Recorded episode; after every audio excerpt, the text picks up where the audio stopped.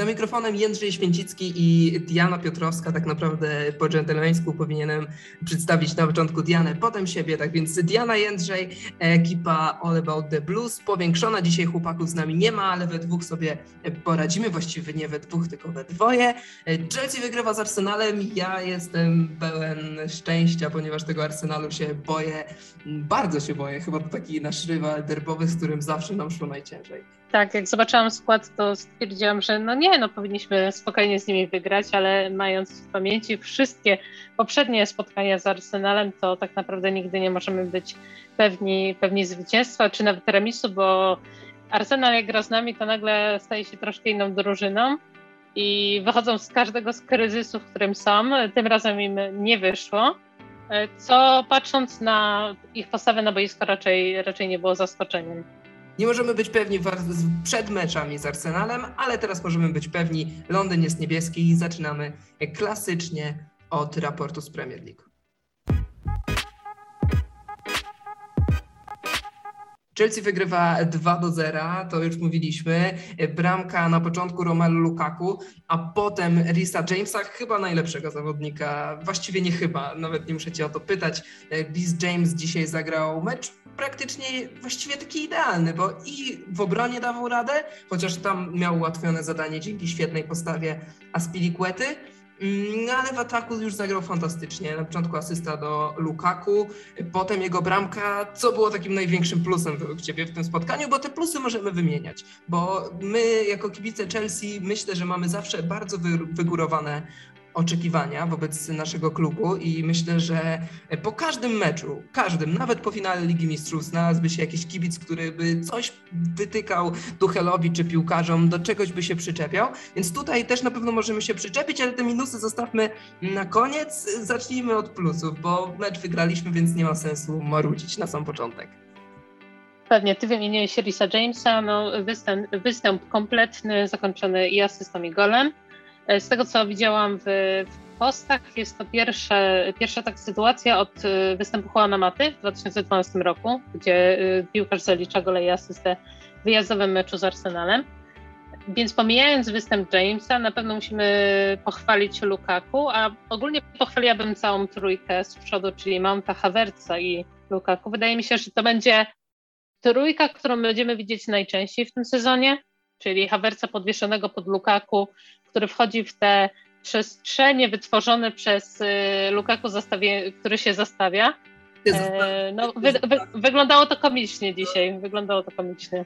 To naprawdę można by taką kompilację samych e, tych Lukaku, który gra na ścianę. No to było naprawdę piękne. Odbijali się piłkarze Arsenalu od niego. Nie widzieliśmy takich scen od czasów Diego Koszty. Niektórzy mówią, że od czasów Didiera Drogby, ale to chyba by było nadużycie od czasów Diego Koszty. No mhm. po prostu mamy wreszcie klasyczną dziewiątkę, której tak Pewnie. potrzebowaliśmy od czasu Diego Koszty tylko mniej macha łokciami, żeby kogoś przez przypadkiem nie faulować.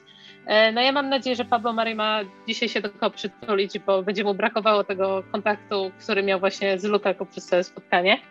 Ale no wyglądało to bardzo fajnie. Jedyne co e, jakbym miała się w ogóle do czegoś przyczepić, to jest trochę, że każdy dzisiaj z przodu był samolubny. To pod koniec. To można...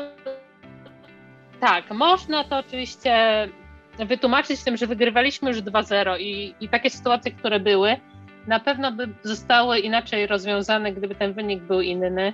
E, bo było dużo strzałów takich e, na siłę też już e, z dystansu czy z pola karnego. No ale Lukaku pokazał to, czego nam brakowało w tamtym sezonie, czyli takiego napastnika, do którego można zagrać, który tak mocno przytrzyma piłkę i który też sam później włączy się do akcji, bo z Oliwierem Giroud często tak było, że on potrafił przytrzymać piłkę, ale przez to, że był znacznie wolniejszy od Lukaku, nie potrafił się już później włączyć nieraz do akcji.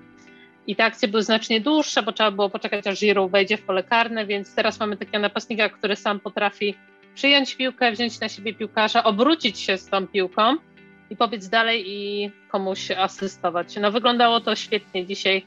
No obrona Arsenalu miała dzisiaj y, wiele problemów. A szkoda, że się skończyło tylko na tych dwóch bramkach, bo to już jest narzekanie, więc prosimy nie odebrać nas jakoś bardzo negatywnie, ale jakbyśmy chcieli sobie ponarzekać, albo nie ponarzekać, ale porównać Chelsea do na przykład Manchesteru City Pepa Guardioli. Wydaje mi się, że oni takie mecze potrafią wygrywać 5-6-0 i wtedy ich kibice się mega jarają, są wszędzie chwaleni i tak dalej. My powinni, znaczy powinniśmy, mogliśmy wygrać 5-0, nie, tego nie zrobiliśmy e, z różnych przyczyn. Na przykład Leno przypomniał sobie, jak się stoi na bramce. To wydaje mi się, że strzał Lukaku był naprawdę bardzo dobry, mocny, e, taki, no, to nie chcę powiedzieć idealny, bo on mógłby być może trochę wyżej ta piłka mogła lecieć, no ale naprawdę był bardzo dobry i większość bramkarzy by tego nie obroniło. E, Leno sobie przypomniał, jak się stoi na bramce i to obronił i też postawił w ciekawej sytuacji nowego bramkarza Arsenalu, Arona Ramsdale'a. Zobaczymy, jak, o, jak teraz to Arteta poukłada. Nie jest to nasza sprawa, ale tak sobie o tym pomyślałem, jak to obronił. No ale mm, były też sytuacje z Jeka w drugiej połowie i było też, był te, były też strzały Mauta. On oddawał strzały i tak się zastanawiam Havertza. Havertz powinien strzelić bramkę. Ja mam go mhm. nie wiem nawet dlaczego, muszę jak najszybciej sprzedać, dopóki cena za niego nie spadnie, ale no, on powinien chyba strzelić bramkę, wychodził sam na sam z bramkarzem. Gdyby trochę mocniej kopnął, no to ta piłka jakoś by się do bramki po kontakcie z Leno doturlała. Ja tak się zastanawiam, czy mówisz o tej trójce z przodu i czy takim kurczę, nie chcę powiedzieć, że najsłabszym, ale jednak chyba najsłabszym z całej bardzo dobrze grającej trójki nie był Mason Mount. Trochę złych decyzji, spowalniania piłki i no jeszcze widać, że tej świeżości nie ma. Ja przynajmniej taką mam obserwację. Yy, według mnie, no też bym się chyba zgodziła, bo Hawercowi możemy jeszcze zapisać te podanie, na, mm, które wyprowadziło troszkę na 2-0, tak? Y, z tego co pamiętam, to Hawerc. Bo tam w tamtej akcji po prostu każde podanie było, było świetne. Tak. Y, Havertz się bardzo ładnie pokazywał w tych sytuacjach, gdzie Luka przytrzymywał piłkę. Schodził albo na lewo, albo na prawo. I tam było kilka takich sytuacji, w których Havertz się wychodził na pozycję, ale ktoś mu nie podawał piłki. Gdyby może wynik był inny i byśmy byli bardziej tacy zdecydowani, no to Havertz by zakończył pewnie to spotkanie z golem. No fajnie to wyglądało. Widać, że Havertz ma tak odnajduje się w tej grze z drugim takim głównym napastnikiem, że potrafi sobie wchodzić w te, te luki, które on tworzy. Zobaczymy, jak to będzie wyglądać w spotkaniu z Liverpoolem. Tak naprawdę to będzie taki prawdziwy test też bardziej naszego zespołu niż te spotkanie z Crystal Palace czy, czy Arsenalem. Nie ujmując nic, nic oczywiście zespołowi Arsenalu, ale w tej formie, w której oni są i z takim jakby składem zawodników, który jest też no, spowodowany też COVID-em czy kontuzjami, no nie mogli dzisiaj po prostu z nami konkurować za bardzo na boisku. Więc czekam na spotkanie z Liverpoolem, by zobaczyć, jak to będzie wyglądało i jak ustali Tuchel skład, bo to też jest ruletka.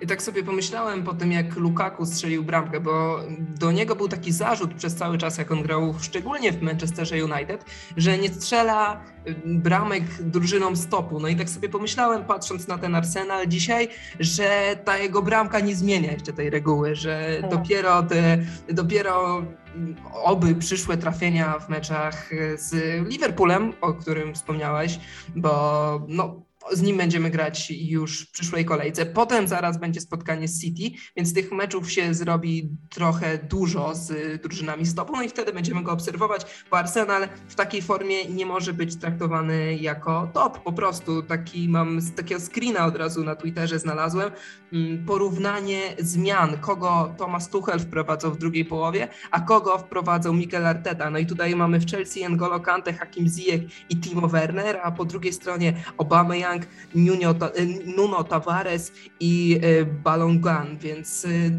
to są w ogóle dwaj ostatni zawodnicy kompletnie bez doświadczenia w Premier League, z niewielkim doświadczeniem w dorosłej piłce, przeciwko Wernerowi, który już nastrzelał w swojej karierze pewnie ponad 100 bramek, grał w półfinale Ligi Mistrzów, strzelał bramkę w półfinale Ligi Mistrzów z Lipskiem, w półfinale z Realem Madryt, grał w finale Ligi Mistrzów Hakim Ziyech też już na e, mhm. tym CV ma kilka fantastycznych sezonów N'Golo Kante, no to czego nie będę w ogóle przedstawiał. No po drugiej stronie tylko ten Obama Yankee i on zmieniał Bukayo Sake, zmieniał jacy zawodnicy schodzili, Tierney, Bukayo Saka i Martinelli, no to, to, po prostu te nazwiska no śmieszą, jak się to porównuje. I to y, dwóch chyba przez kontuzję, Martinelli na pewno z tego co widziałam, y, przez no kontuzję, tak. Tierney chyba też, jeśli Więc... Y, jeśli chodzi o Martinelliego, to żadna strata dla Arsenalu. Jeśli chodzi o Tierney'a, no to akurat jest strata.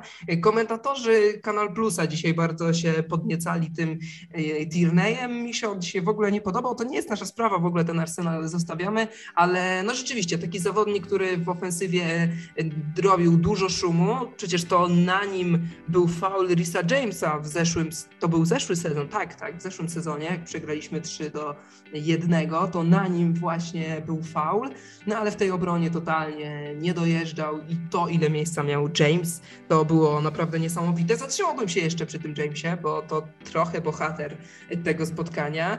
Po meczu Manchester United z Southamptonem, którego wynik nas myślę bardzo cieszy, ponieważ Manchester United zgubił punkty, tylko zremisował Southamptonem 1 do 1.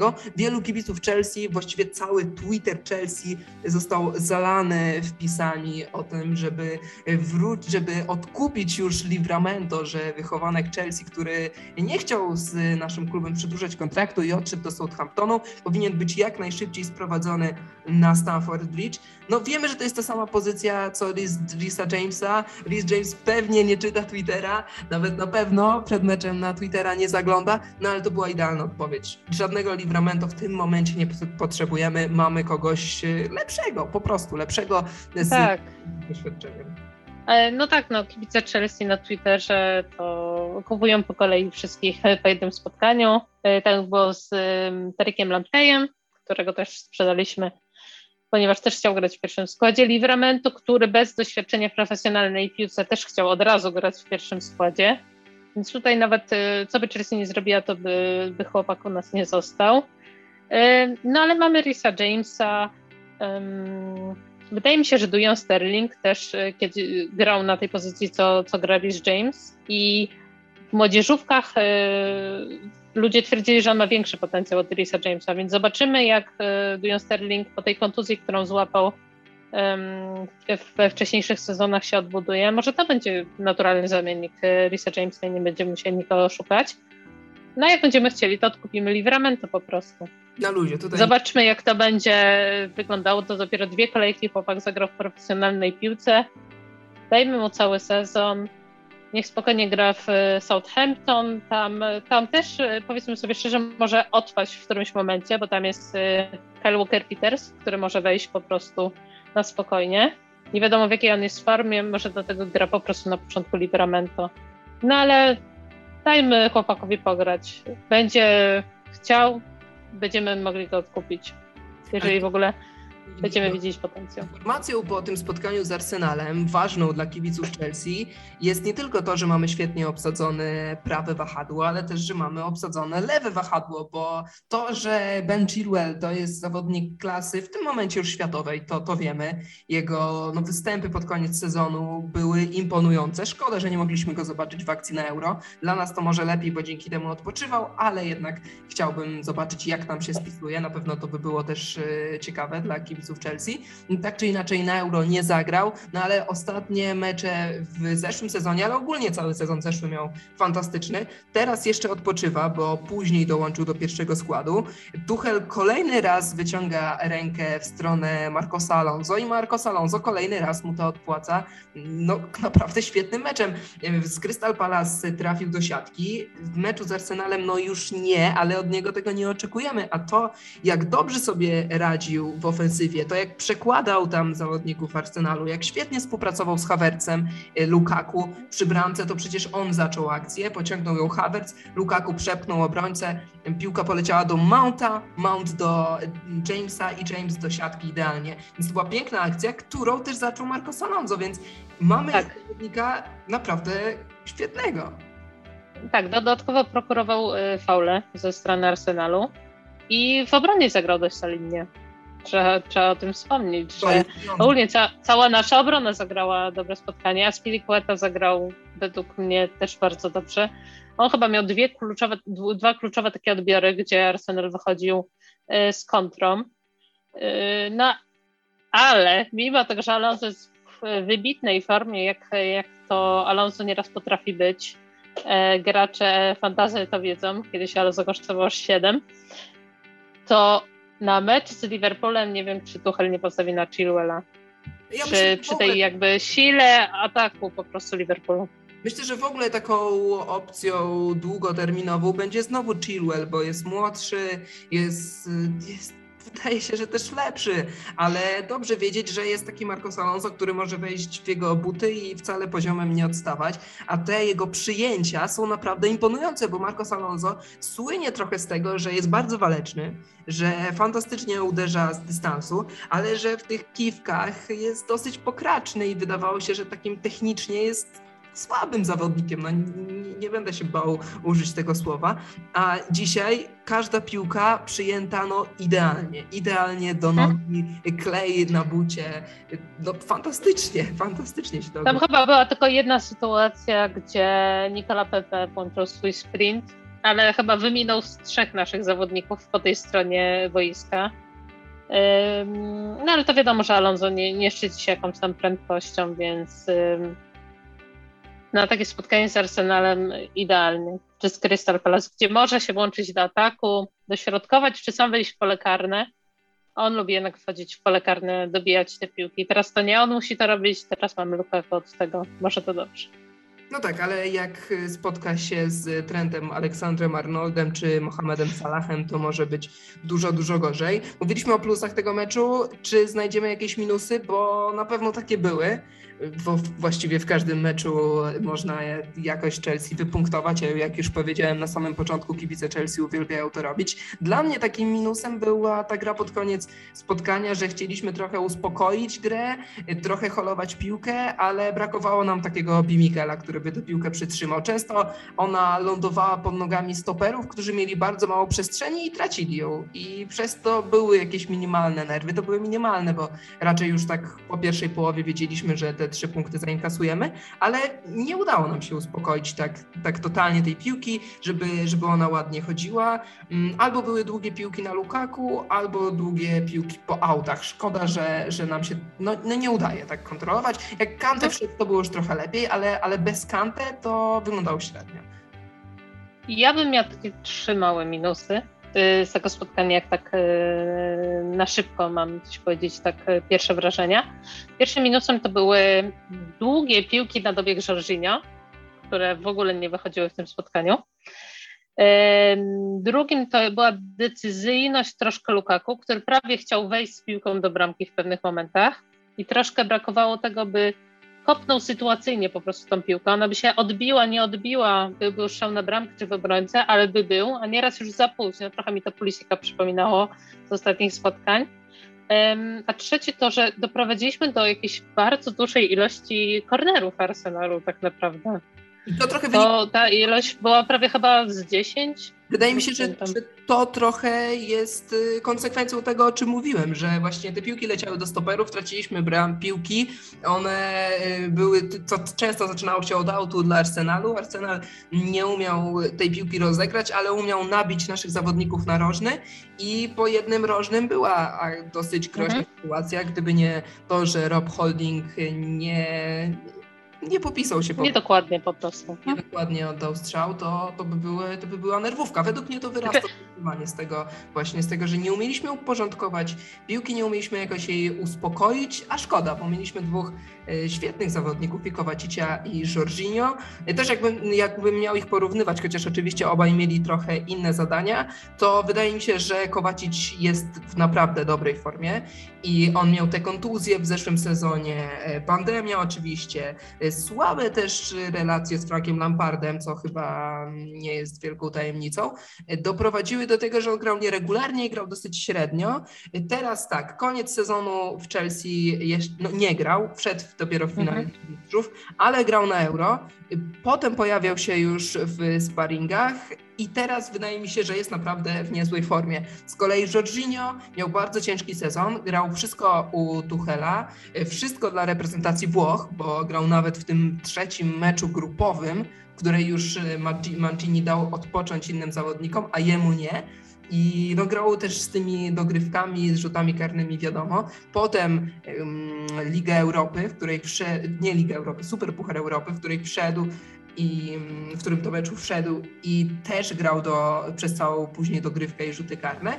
I jest jakieś takie zmęczenie połączone z jeszcze według mnie takim nieodpowiednim, nie, takim niedostatecznym przygotowaniem do nowego sezonu. No w połączeniu z tym, że Kante też y, teraz musiał lekko pauzować i nie mógł zacząć tego spotkania, łącząc to z wypożyczeniem Gilmura czy Gallaghera, to za bardzo nie ma, że nie musiał grać w tym spotkaniu, no, w tej formacji, w której graliśmy, więc też nie ma czasu na odpoczynek y, za bardzo. Y, no, Kowacic, Kowacic wydaje się w dobrej formie fizycznej i, i w ogóle decyzyjnej. Ta piłka dzisiaj była perfekcyjna jakby przegląd pola przy tej piłce do Risa Jamesa, który podał, do, asystował do Lukaku, no była, była świetna. No, co tu więcej mówić o Kowie? No, Kowa jakby miał tego ko tylko strzał z dystansu, no to byłby super jeszcze lepszy niż jest. Ale, Ale no, Jorginho, zobaczymy. No, Kante wydaje mi się, że będzie gotowy już na Liverpool, więc wtedy możemy zagrać dowolną kombinacją tej trójki. Wydaje mi się, że oni są prawie na równi. Możemy, w zależności od taktyki czy jakiegoś założenia, możemy zagrać dowolną kombinacją.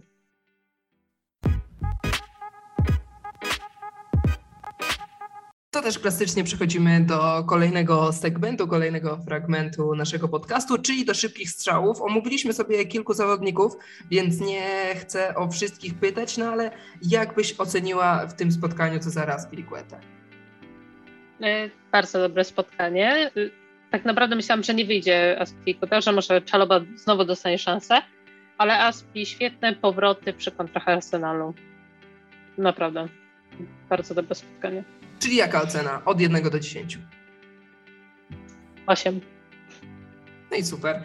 To mamy oceniony, oceniony środek obrony.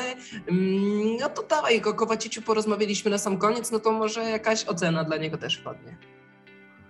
Kowacicza? Yy, ciężko powiedzieć. Tak naprawdę nie sądzę, że jakiś zawodnik zagrał słabo aż tak spotkanie. Też bym dała mu 8, nawet za to świetne podanie, które dało nam gola na 1-0. To na sam koniec Mason Mount. Mount, Mount. Yy, asysta? Tak? Dobrze. Teraz yy, przez to, że Mount ma 19, a Havertz 29, zawsze się nam na boisku. Ale Mount, yy, dobre spotkanie. Szkoda troszkę tych yy, decyzji Mounta, ale też mógł zaliczyć drugą asystę przy tym, jak Havertz yy, główkę wybił trochę Lukaku, więc bym dała 7,5. Dobrze, akceptuję, akceptuję taką, yy, taką ocenę. Yy, w takim razie ty mnie zapytaj o kilku zawodników, którzy rzucili ci się w oczy i zapytaj mnie o ocenę. Wielu wymieniliśmy, ale nie wymieniliśmy w ogóle bramkarza Eduard Mendy. Wydaje mi się, że Mendy zagrał dobrze, ale jednak cały czas tak gra nogami. Coś jest w tym takiego, że mi mocniej bije serce, jak on ma y, piłkę pod nogami. Dzisiaj chyba jedno nieudane zagranie, więc też nie można go bardzo za to karcić, bo to było dobre spotkanie. Mm, popisał się fantastyczną interwencją przy strzale Bukayo Saki, bo gdyby Bukayo Saka tam trafił, to by mógł w ogóle inaczej się ten mecz potoczyć. Pewnie i tak byśmy wygrali, bo Arsenal był naprawdę słaby, ale nerwówka by była, bo to było jeszcze w okolicach 45 y, 50 minuty, więc naprawdę to nie chcę powiedzieć, że to było kluczowe, ale jednak ważna, ważna interwencja, tak, żebym mu dał jakoś 7 czy, czy 8. Pewnie. Nie byłabym sobą, gdybym cię nie zapytała swojego, twojego ulubieńca, czyli Jorginho, którym ja.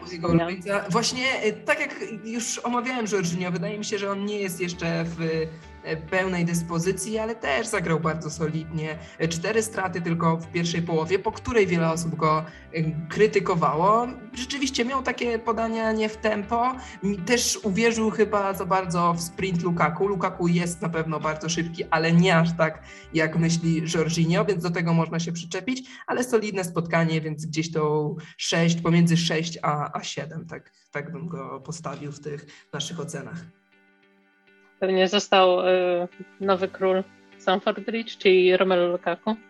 Romelu Lukaku wydaje mi się idealne, idealne spotkanie. Nie można się do niczego przyczepić. Ty się przyczepiłaś oczywiście do tego, że, że gdzieś tam mógł szybciej te strzały oddawać, oczywiście, ale strzelił bramkę, miał kilka sytuacji, w których y, właściwie dostawał piłkę przed polem karnym, a odbijając przeciwników od siebie konstruował akcje dla, dla innych zawodników. Najczęściej, tak jak powiedzieliśmy, był to Kai Havertz. Ja bym dał, dałbym mu nawet dziewiątkę, jeżeli Lisa Jamesa byśmy byśmy um, ustawili, no właśnie dali mu tą dziewiątkę, no to wtedy e, Romelu Lukaku trzeba by dać 8,5, bo jednak Rhys James był minimalnie lepszy. Tak, Romelu Lukaku dzisiaj wyprzedził e, Iana Wrighta w klasyfikacji strzelców Premier League, 114 trafienie. Na pewno o wiele więcej będzie miał pod koniec sezonu dobijamy kibicom Arsenalu, którzy Iana White'a kochają, więc y, dobijamy im jeszcze bardziej. Nasz napastnik już ma więcej tych bramek. Co nas czeka w przyszłym tygodniu? Mecz z Liverpoolem, który omówiliśmy, więc chyba więcej nie trzeba mówić. Gramy z Liverpoolem po południu w sobotę, z tego co mi się zdaje. Tydzień oczywiście mamy wolny. Dopiero ten sezon wchodzi E, właściwie nawet nie powiedziałbym, że w największe obroty, bo zaraz mamy przerwę reprezentacyjną, która dla niektórych zawodników będzie po prostu przerwą do pewnie nie odpoczynku, ale kontynuowania przygotowań do sezonu. I myślę, że dopiero po, po tej przerwie na, na mecze kadr e, wrócimy do takiego, właściwie zaczniemy takie poważne granie w Premier League. Teraz cały czas trwa okno transferowe i jeszcze te drużyny będą się minimalnie zmieniać. Myślisz, że Chelsea się jakkolwiek zmieni? Czy oczekujesz jeszcze jakichś transferów? No, zobaczymy. Na pewno oczekuję, że kilku graczy odejdzie, czy to nowe pożyczenie, czy definitywnie. Najwięcej się chyba mówi w tym momencie o,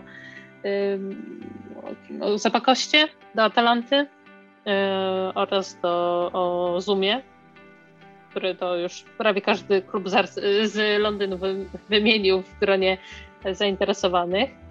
Yy, no zobaczymy, ale tak naprawdę to mm, myślę, że kibice Chelsea też trochę inaczej podchodzą do tego początku sezonu ze względu na kalendarz, że mamy te duże spotkania na początku. Więc dla nas tak naprawdę ten sezon już się zaczął szybciej niż dla niektórych zespołów, które mają bardziej zróżnicowany ten kalendarz, czy przeplatany z słabszymi drużynami i tam można przetestować więcej, większą ilość taktyk, czy składów, czy zawodników. My to jednak musimy grać na 110% od samego początku. Więc no, jeżeli bym miała powiedzieć, czy kogoś kupimy, jeżeli kogoś kupimy, to środkowego obrońcę. I tyle. Też chciałbym, żeby Chelsea poszło po tego Kundę. On może teraz się wydawać, że on nie jest nam potrzebny, ale to jest wielki talent, świetny przy wyprowadzaniu piłki i biorąc pod uwagę, ile meczów w tym sezonie będziemy grać, po prostu on się przyda i mam nadzieję, że Chelsea po niego pójdzie i go sprowadzi. Plotki o środkowym pomocniku, szczególnie o Deklanie Rajsie, traktuje raczej z dystansem. To jest zawodnik, który ma jeszcze długi kontrakt w West Hamie i na razie myślę, że się nie wybiera. Właściwie on to chyba by się chciał już wybrać, bo on już wie, że jest w dobrej formie. Świetny, świetny zeszły sezon, bardzo dobre euro. Myślę, że on już myśli o tych kolejnych wyzwaniach, o kolejnych większych klubach, ale West Ham na razie go sprzedawać nie chce, zwłaszcza, że ma wąską kadrę, a przed nimi mecze pucharowe w europejskich pucharach, mhm. więc, więc o Rishi James... O, I dość duże dość duże ambicje na ten sezon też West Hamu po, po dobrym sezonie poprzednim.